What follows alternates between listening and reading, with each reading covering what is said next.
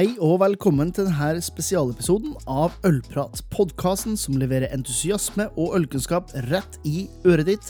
Mitt navn er som alltid Jørn Idar, og denne lille episoden den handler rett og slett om årets ølhund som ble gitt ut under juleølpremieren 2021.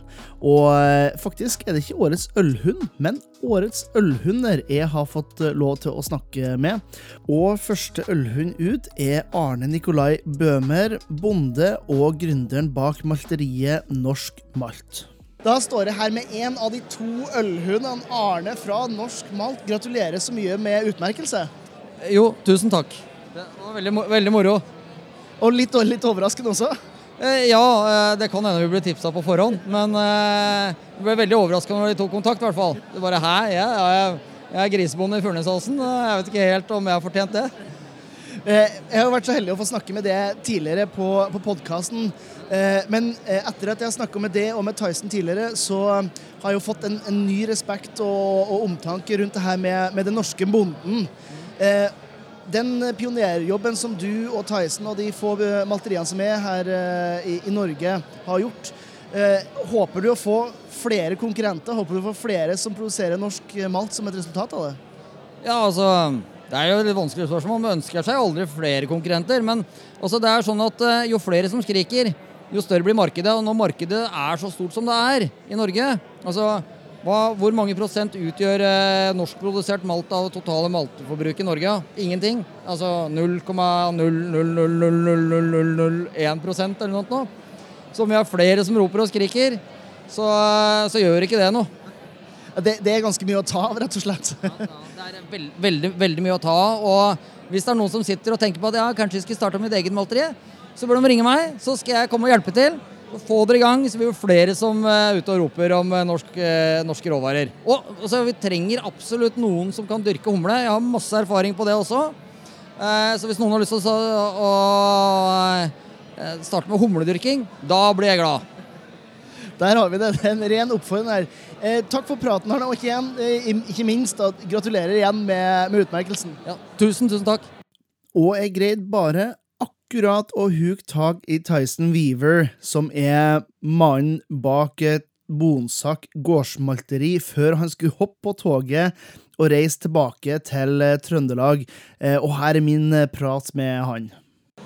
Og da står jeg her altså med den andre ølhunden i 2021, Tyson fra Bonsak gårdsmalteri. Først og fremst, gratulerer så mye med utmerkelse. Takk skal du ha. Det har vært en reise litt av en reise. Jeg, nevnte det for Arne også. Jeg har fått, Etter å ha snakka med, med, det og med han om eh, den reisen dere har vært gjennom, så har jeg fått en enda større eh, satt enda større verdi på den jobben som norske bonden og dere, dere gjør. Eh, en sånn pris som det her, hva, hva betyr det sånn emosjonelt for din del? Hva betyr hva? Emosjonelt. Ja, emosjonelt? Litt sånn å, å få anerkjennelse etter man har litt sånn svette og stressa og, og sånn og bare litt sånn gruer meg for å litt sånn komme seg gjennom noe av det vanskelige slaget som jeg har vært gjennom. Det, det føles ganske godt, da. lett, lett, sagt. Sånn, ikke bare litt sånn at vi får det anerkjennelse, er litt sånn innsats vi gjort, men, men også at sånn juleforbundssak begynner å gå ganske godt rundt. Vi har godt merkevarenavn, og så vi er nasjonalmarkednavn, og, og, vi leverer over hele landet. og Det blir mer og mer som ringer meg, og, litt sånn, og kvaliteten er helt på toppers for tida, og, og folk sånn setter pris på den særpreget vi leverer. Altså, det egentlig betyr at vi har lyktes, og at vi er liksom bransjen får en sånn anerkjennelse for innsatsen. Det betyr enda mer. Ja, og Det er jo litt sånn morsomt du sier, for at eh, bransjen får, eh, får, mer anerkjennelse. Men går man fem, seks, syv år tilbake i tid, så var ikke det å drive et malteri en bransje. Og nå er det fire norske bryggerier i, unnskyld, fire norske malterier.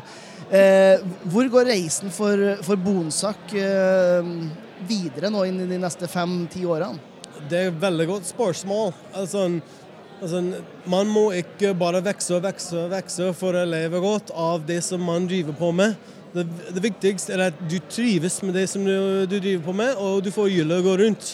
Man skal aldri bli rik for å, å drive med malting i Norge, det er ikke noe tvil om.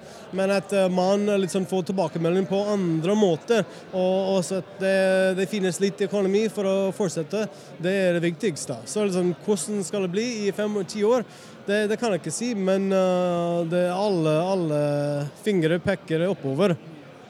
Det er, det er nydelig. Eh, hvilken øl eh, eh, har du lyst til å feire denne utmerkelsen med nå? Jo, det er flere av mine kunder til stede i dag, så liksom det er nesten urettferdig for meg, å peke ut en over andre. Skal... Kanskje en stil, da? Ja, en sånn en, en bokk. Er alltid en bokkmann, nemlig en doppelbokk. Jeg har smakt en uh, The Holy Bock for, for Berensons. Det, det, var nydelig. Det har ikke vært malt, forresten. Men liksom, det, var, det, var, skikkelig nydelig. Litt sånn uh, vinøss og karamell. og det, det, var rett opp på gata mitt. Da må jeg bare takke for praten, og igjen gratulerer så mye med utmerkelsen, Theisen. Takk skal du ha, June. Og til sist så huka jeg tak i Hege Ramseng, som er kommunikasjonssjef i Bryggeri- og drikkevareforeningen, rett og slett for å høre litt om historien til denne viktige bransjeprisen Årets ølhund, og litt av argumentasjonen bak å velge to Årets ølhund i år, med norsk malt og Bonsak gårdsmalteri. Da står jeg her med Hege eh, fra Bryggeriforeningen. Eh, årets ølhund er gitt ut. Og Kan ikke du si litt om historien til denne eh, prisen, og egentlig hvor man er hen med den prisen eh, nå? Ja, Årets ølhund har jo vært delt ut av Bryggeri- og drikkevareforeninga siden 1973. Og Bryggeri- og drikkevareforeninga var jo noe ganske annerledes i 1973 eh, enn det er nå. Da eh, var det jo mest de store bryggeriene, altså det var bare store bryggerier med i Bryggeriforeninga. og Prisen ble jo delt ut eh, til eh, som Rolf Wesenlund, til Odd Børresen, til eh, sånne som kanskje var kjent for å drikke mer øl enn å var direkte veldig altså, ølmisjonærer, for å si det sånn. Ja. Og, men det har jo endra seg litt de, de, siste årene. Vi har hatt vinnere, vi har hatt altså, kjentfolk som uh, Trine Skei Grande f.eks. Men det har jo vært Ølportalen, det har vært Lars Marius Garshol, eh, det har vært mye ølfolk. Så hva, hva er på en måte eh, årets Ølhundprisen nå? Ølbransjen har jo endra seg veldig de siste årene. Eh, I 2009 så var det 11 medlemmer i Bryggeriforeningen, og nå er det 140. Og det er jo Ølinteressen er jo mye mye større i Norge enn det var for noen år siden, og da må jo òg prisen endre seg. Så De siste årene så har jo eh, årets ølhund i større grad vært en bransjepris eh, til noen som har gjort en innsats eh, for ølbransjen. Eh, to, den er delt i to, den prisen i, i år, eh, innenfor samme delen av, av ølbransjen. Eh, Norsk malt har jo gjort en ganske stor eh, altså påvirkning på hvordan norske bryggerier tenker på markedsføring eh, nå. Eh, fordi at det er en ganske viktig del av, av det hele.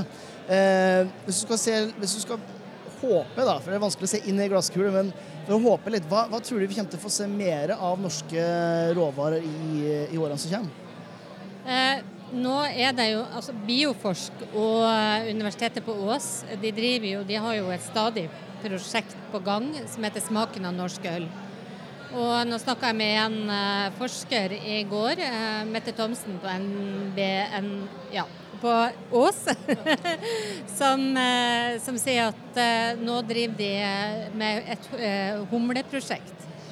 Så jeg tror jo at det her fokuset på norske råvarer eh, det kommer jo bare til å bli mer av. Og nå ser vi jo at det er stadig flere norske bryggerier som, eh, som eh, bruker kun norske råvarer. Og det er jo norsk malt, men òg norsk humle og kanskje norske urter. Du har bær, du har frukt osv.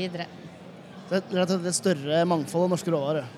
Et større mangfold av norske råvarer, og at det blir mer av det, det, det tror jeg nok definitivt. Ja.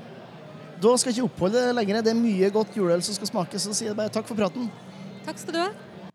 Og ikke minst takk til det som uh, hørte på. Som alltid så setter jeg pris på om du kan ta og gi denne podkasten en liten rating på podkastappen din, enten om det er på Apple Podcast, Spotify eller eh, hvor det måtte være hen. Eh, Husk å abonnere, for at alt det her er med på å hjelpe algoritmegudene på å få flere ølgærninger med på det her øltoget som vi er på sammen her i Ølprat. Um, må jo som alltid anbefale å ta en liten tur innom enten Instagram eller kanskje aller helst Facebook, faktisk. For at det er veldig mye som skjer nå. Det er nærmer seg jul, og det kommer til å bli eh, livesmakinger. Det kommer til å bli rett fra kjøkkenet. Skal jeg stille opp, og ikke minst så skal jeg ut og farte litt med et par eventer nå før eh, jul, så jeg håper å se det der ute. Og så får jeg si takk for følget denne gangen her, og så får du huske til neste gang vi høres, at eh, livet, det er for kort for å drikke dårlig øl.